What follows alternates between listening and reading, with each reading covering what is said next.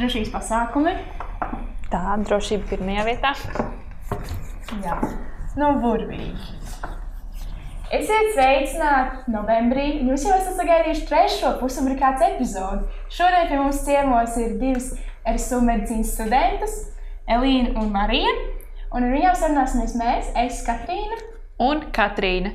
Šodien meitenes mums pastāstīs, kā ir studēt RSU, kāda ir studentu dzīve, kādas ir iespējas pēc studijām un kā vispār var tikt iekšā Rīgas Tradiņu universitātē. Meitenes varbūt pastāstiet par sevi sīkāk. Jā, tātad es esmu Marija.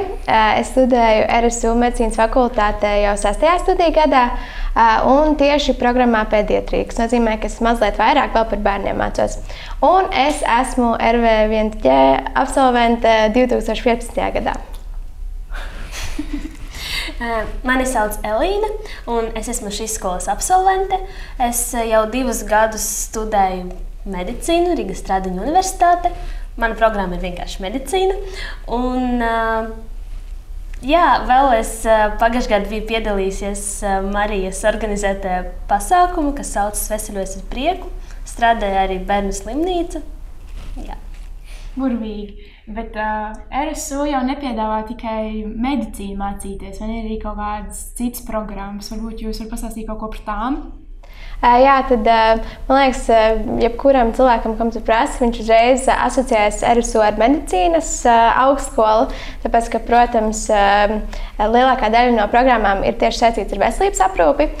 Mums ir piecas fakultātes, kas ir ar medicīnu saistītas. Tad medicīnas fakultāte, zobārstniecība, farmācija, rehabilitācija un vēl ir sabiedrības veselības un sociālās labklājības fakultāte. Ļoti daudz dažādas programmas, bet mums arī ir trīs sociālo zinātņu fakultātes. Var studēt jurisprudenciju, juridiskajā fakultātē, var studēt Eiropas studiju fakultātē un arī komunikācijas fakultātē. Tāpēc noteikti ir arī daudz dažādas programmas, par, varbūt, par kurām varbūt ne visi zina. Jā, jau nu, tā ir, ka arī visi, visi kas saprot, runā medicīnā, tāda dara sūknē, īstenībā ir arī, ir arī citas opcijas. Burvīgi.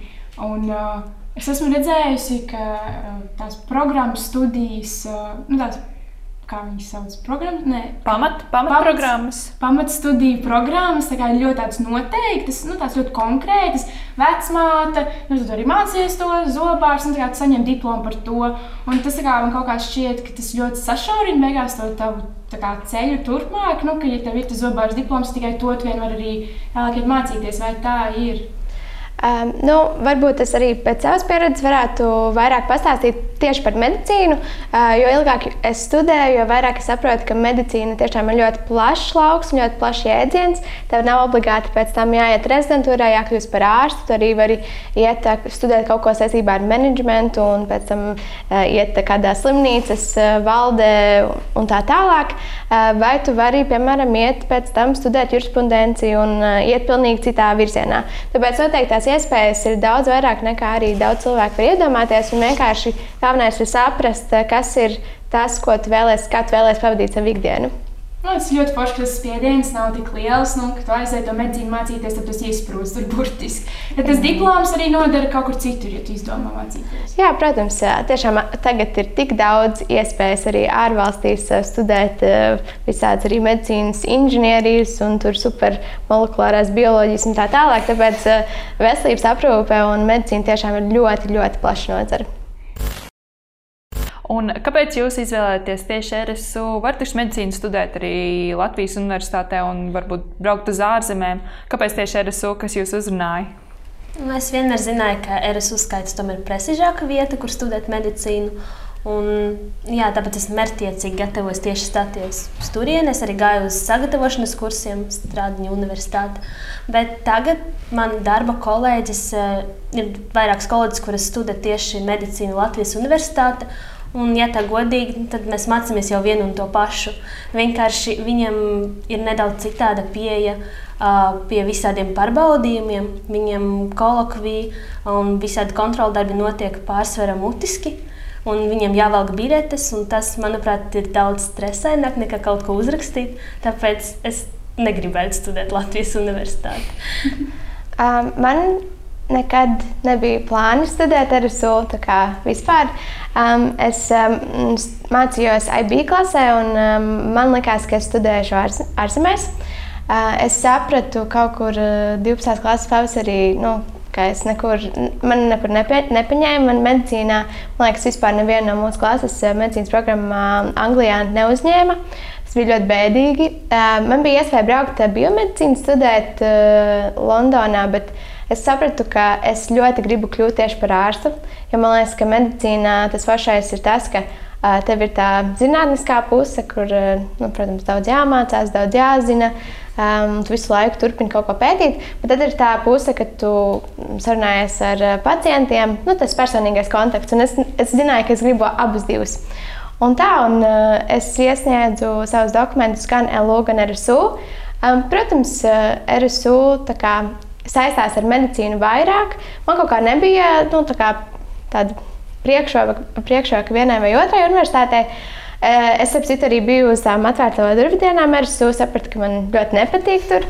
Bet kaut kā tas sakrita, ka es tiku tieši RSU Un es tur aizgāju studēt, un uh, es varu teikt, ka es noteikti nenožēloju to, ka es uh, neesmu kaut kur aizbraukusi vai ka es nestudēju LU.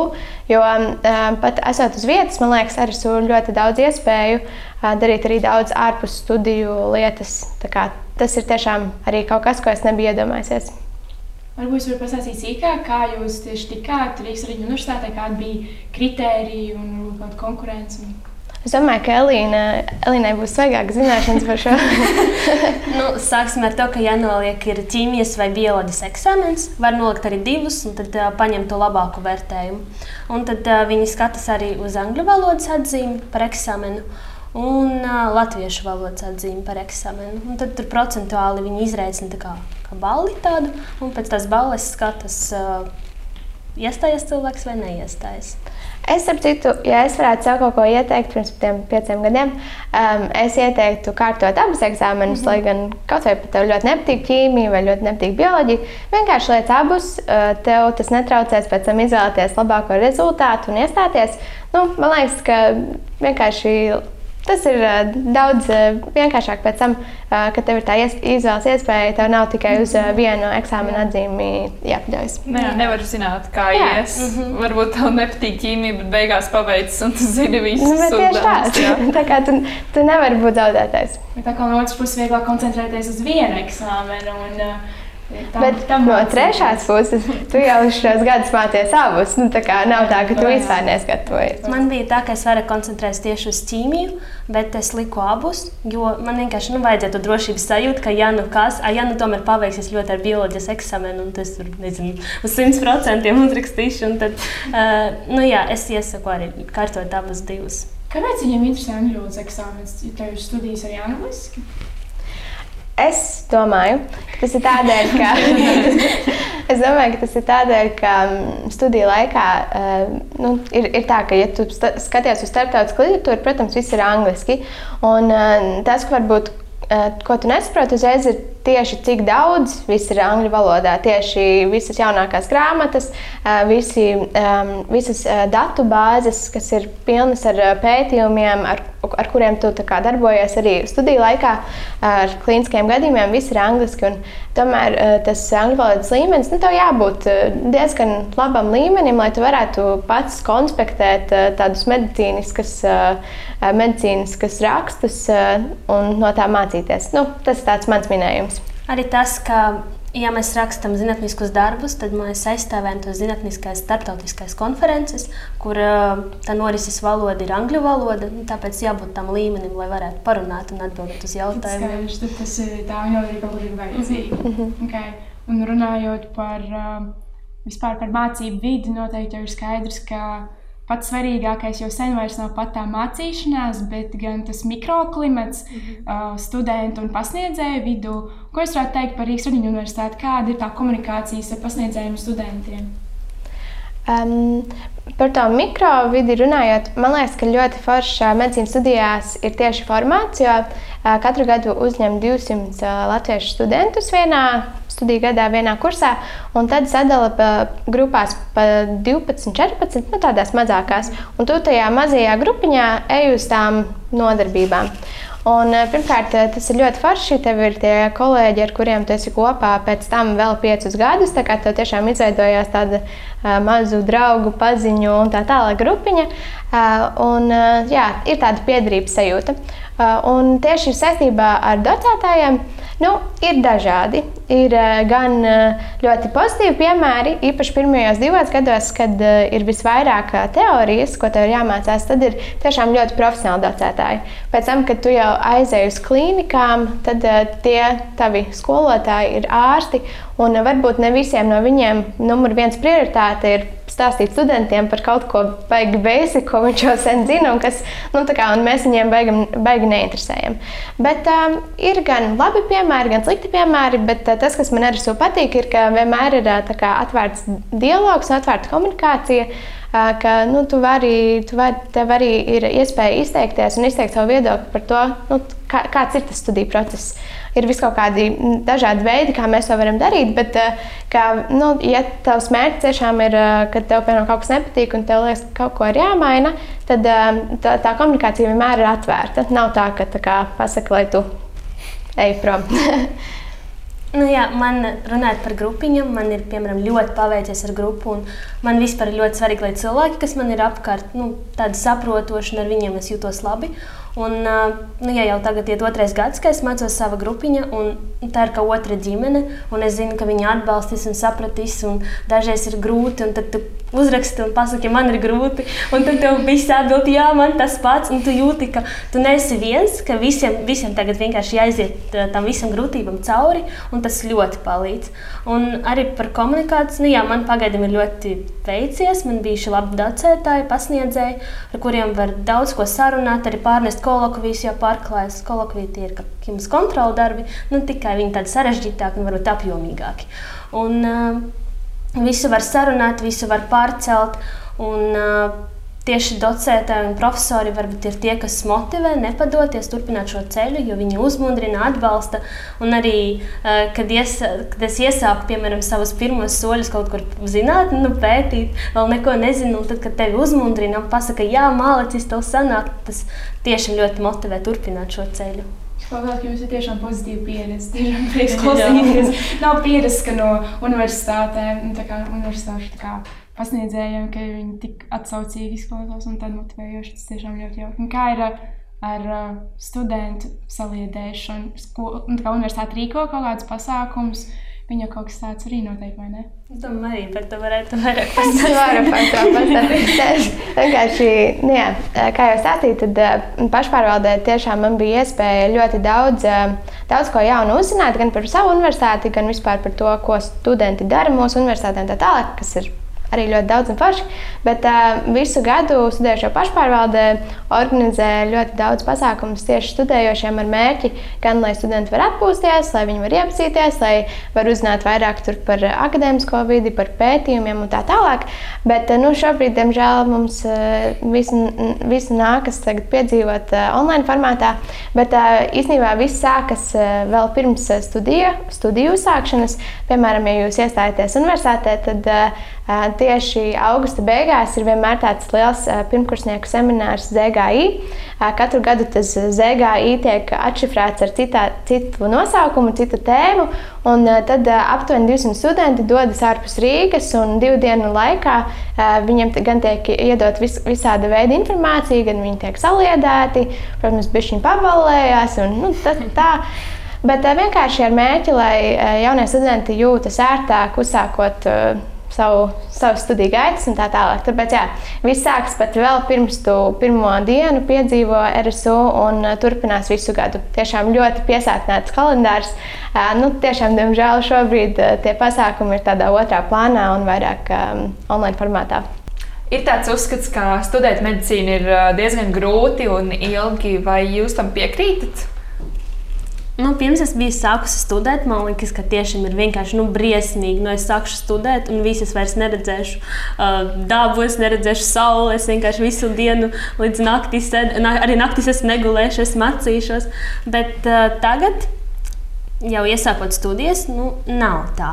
Uh, ja pareizi saplānot savu laiku, Un dažreiz pareizi izlikt tas prioritātes. Nu, tiešām var at, atrast arī laiku, lai ar draugiem uz kaut uz kādu pilsētiņu aizbrauktu, lai pastaigātos. Protams, nav tā, ka brīvā laika ir ļoti daudz, bet uh, var atrast laiku arī sev pašam, ja ir vēlme.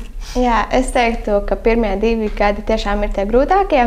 To saka ļoti daudzi, un es tiešām varu piekrist, ka pirmajos div, divos gados vienkārši ir visa tā teorija, tie pamati, ko tev ir jāiemācās. Un ir, kā jau Velīna minēja, vairākas reizes tie kolekviji, kas ir tādi apjomīgi kontroldarbi, un visu laiku pārbauda to, vai tu tiec līdzi. Un, tas ir tas grūtākais, ka tev ir nu, vairāk šādu kolekviju nedēļā. Bet pēc tam, kad tu tiecam pāri, tad ar 3, 4, 5 gadu ļoti daudzi studenti arī paralēli dara citas lietas, vai nu vienkārši ārpus studiju aktivitātes, vai strādā, vai daudziem arī ir ģimenes savējās. Tāpēc um, tiešām nav tā, ka visus sešus gadus tu vienkārši nepamet savu galdu, savu rakstāmu galdu. Tā noteikti nav. Tad jau vēl ir pusceļā. Jā, tas studijā. tieši tā. Ja, ja tiek pāri otram gadam, tad uh, 90% ka tu tiks līdz galam. Man ir ļoti paveicies tāda ziņa, ka tagad viss ir attālināti. Un, uh, nu, es varu apvienot tagad ar darbu. Es domāju, es nevarētu to atļauties, ja studijas notiktu klātienē, bet nu, tā nav jātara laiks, lai aizbrauktu. Un, uh, Universitātes, universitātes ir par to, lai mācītos pašam, un ar ko varbūt ļoti atšķiras universitāte no skolas. Ir tā, ka mums jāiet uz nodarbību jau sagatavotam. Un, uh, Jā, un nodarbība ir vairāk kā tāda konsultācija, kad pasniedzējs var nedaudz vairāk kaut ko ieskaidrot, tu vari nedaudz vairāk iedziļināties, bet jāmācās tev pašam mājās. Nav tā, ka skola to atnāc, neko nezina, skolotājs tev iedod to materiālu. Universitāte ir otrādi. Un, nu, dažreiz varbūt ir grūti tam izsekot līdzi, ka vajag jau uz nodarbību atnākt gatavam, kaut gan nu, tev nav bijuši tie pamati, tev pašam tas jābūt. Un, kā jums ir ar mācību maksu? Vai ir dārgi, vai ir kaut kādas budžeta vietas? Um, šobrīd, manuprāt, ja es nekļūdos, tad mācību maksa ir 3600 gadā. Um, tad, kad es sāku, tad bija bišķiņa mazāk. Bet um, pat, ja tu, piemēram, tiec maksas vietā, uh, lielākā daļa ir budžeta vietas medicīnā. Ir tā, ka uzņem 230 uh, studentus katru gadu, 200 tad ir budžeta un 30 ir maksas. Nu, aptuveni. Pat, ja tu tiec uh, maksas uh, vietā uh, pirmajā gadā, tad uh, tev par to nav baigi jābēdājas. Tas bija mans variants. Uh, es pirmajā gadā maksāju, un uh, kopš šā laika, padoties pēc atzīmēm, tev ir iespēja ierutēt budžetā. Un tad pirmajā gadā es maksāju, un kopš tā laika es neesmu maksājis. Tāpēc, ka nu, katru gadu izskata pēc atzīmēm to, uh, tos uh, maksas studentus, uh, kuri kā, pēc ranga tiek uh, aizvirzīti uz brīvajām vietām. Tāpēc, uh, protams, tas nav lēti, bet uh, tev nav uzreiz jāatmet ar roku un jādomā, ka tu visus sešus gadus uh, maksāsi to lielo summu. Un arī varbūt ar ko Rīgas Strādiņu universitāte atšķiras no Latvijas universitātes. Tur viņiem katru gadu notiek rotācija. Senāk, ja cilvēks mācās budžeta, viņš var izkrist un mācīties par maksu, ja viņam ir sliktas sekmes. Un uh, Rīgas Strādiņu universitāte, ja tu mācies budžeta vietu, par to nav jāuztraucas. Vai nu tu turpināsi mācības, vai nu tevi izmetīs, bet nebūs tā, ka tev pēkšņi būs jāmaksā par studijām. Jā, kaut vai tu visus sešus gadus mācies ar četrniekiem, bet budžeta vietā. Tev neviens nevar no budžeta vietas. Uh, aizvirzīt uz maksas vietu, piemēram. Mm -hmm. Tad tomēr ir kaut kādas starpības starp mm augstskolām. Oh, prieks dzirdēt, prieks dzirdēt, ka ir tā drošā vietiņa tajā budžetā. Jā. Un tad runājot par tādiem negatīvākiem pārsteigumiem, vai jums ir bijuši tādi brīži, kad jūs tiešām esat apsvēruši, nu, beigt studijas, stāties ārā, iet prom? Kā jau teicu, viena profesora, mūsu dzīve ir kā kardiogramma. Tas nozīmē šī tā. Un, uh, dažreiz nu, pirms kolokvijiem parasti nu, tu jūties ļoti labi, kad nav, nesākas tas kolokviju laiks. Tad nu, tiešām viss ir forši un var atrast visam laiku. Un, nu, jūties ļoti labi. Un tad ir brīži, kad kolokvija ir vairāk kolokviju pēc kārtas. Un uh, ir ļoti grūti, un ir grūti ne tikai iemācīt, bet arī morāli. Tur ļoti emocionāli, ir emocionāls nogurums. Un tādos brīžos, nu, es nebiju apsvērs domu pamest šo visu, bet uh, nu, ir brīži, kad domā, ka Dievs, nu, nu ļoti grūti. Grūti saņemties. Jā. Grūti saņemties, nu, varbūt ne tikai saņemties, bet vienkārši iet uz priekšu, nepadoties. Jo tas, tas ar tevi vairs nav skola, ka tu vari pateikt, nu, es biju pie ārsta, es tur neaizgāju uz kontrolu darbiņu. Te viss ir tā nopietni, un ja tu uz pirmo reizi, pirm, uz pirmo kolekciju kārtošanas reizi neaiziet, tad nu, tur uh, visādas priekšrokas, visādas priekšrocības ir ņemtas nost, tāpēc nu, tas ir nopietni. Jā. Un uh, par tādu aktuālāku tēmu runājot, kā jums norisinās mācības šobrīd, Covid laikā, kādi jums ir attālināti viss un kā ir ar praktiskajiem darbiem? Um, man uh, visas uh, šīs teorētiskās nodarbības notiek Zoomā. Um, tas ir ļoti vienkārši. Nu, tieši, tiešām tu pieslēdzies kaut kādā konkrētā laikā ar savu docētāju uz, uz to dienu, izrunājot to tēmu, varbūt kaut kāds jautājums. Arī Kailīna minēja, tā ir vairāk kā konsultācija. Ar praktiskām darbībām šobrīd ir, protams, bēdīgāk un grūtāk. Man kā sastāvgada studentei tagad novembrī ir plānota prakse un decembrī arī sešas nedēļas kopumā. Un tās šobrīd nav atceltas. Tāpēc uh, nākamā nedēļa braucu uz Valmieru uz četrām nedēļām uz Vidzemes slimnīcu. Un uh, decembrī es būšu Gaļasarā, ja nekas cerams nemainīsies. Tāpēc es tiešām arī nevaru sagaidīt vienkārši nu, izjust to slimnīcas vidi un vairāk iejusties jau tā ārsta lomā. Un, bet, ko es vēl varu, varu piebilst, tas ir par kolokvijiem, kā mums notiek attālināti. Jo uh, Mums ir tā, ka ir izmantotas speciālas programmas, kuras seko līdzi, lai mēs nenorakstītu. Un, uh, Lockdown browser un responses monitor. Un tas nozīmē, ka pirms mēs iesakām kolokviju, mums ir jānofilmē, mums jā, ir jāparāda sevi, mums ir jāparāda sava studējuša apliecība, lai viņi pārliecinātu, ka tie tieši mēs esam mēs. Tad mums ir jānofilmē apkārtējā vide, lai redzētu, ka nav nekādu spīkerīšu, lapiņu, telefonu. Un tad mēs rakstām darbu. Darba laika ir ieslēgta kamera un arī ir eh, ieslēgts eh, tas eh, mikrofons. Un sanāk, nu, jebkuras skaņas, vai ja mēs kaut kur pagriežamies, to visu reģistrē kamera.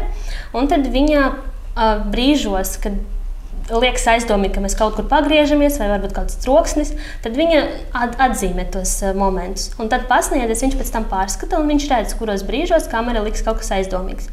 Un viņš pārbauda, vai tiešām vai tiešām esam spīkojuši vai nē. Un dažas katedras aiziet tik tālu, ka prasa vēl kolokvijā vidi kaut ko ar spoguli nofilmēt. Tad, kad tu paņem spoguli un parādi, ka, piemēram, datora maliņas nav aplīmētas ar lapiņām. Paturpinot par jau tevis pieminētajām prakses iespējām, kā ir to praksi piedāvā no RSU vai tev pašam viņa jāmeklē? Uh, ir tā, ka praksa ir ieplānota 3. gada beigās, un, un 5. gada beigās un 6. gadā. 3. gada beigās tev ir praksa kā medicīnas māsai, jo doma ir tāda, ka tu pirmajos trīs gados esi apgūlis visu to nepieciešamo, lai tu varētu strādāt kā māsa. Uh, tad Pēc 5. gada ir ārsta prakse, kur jau tu vairāk sāc darboties kā ārsts. Un 6. gadā arī līdzīga doma, ka tu eh, strādā jau kopā ar ārstu, tu jau nu, izmeklē pacientu, izdomā diagnozi, sāc ārstēt un tā tālāk. Tās prakses vietas visas piedāvā universitāte.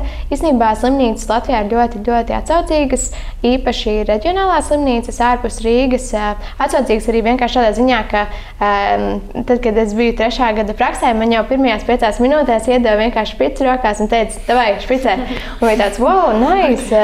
Uh, piemēram, Rīgā tā nekad nebūtu. un, uh, un tā, bet jā, par prakses vietām noteikti nav jāsaucās. Slimnī, uh, slimnīcas, slimnīcu sarakstu nodrošina RSU, un viss, ko tev jādara, jāizvēlās un jāpiesakās konkrētai slimnīcai un datumiem.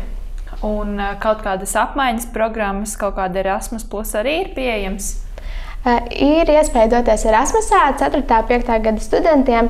Um, ja tu gribi konkrēti studēt angliski, tad nav ļoti daudz uh, universitātes uh, Eiropā, kas to piedāvā.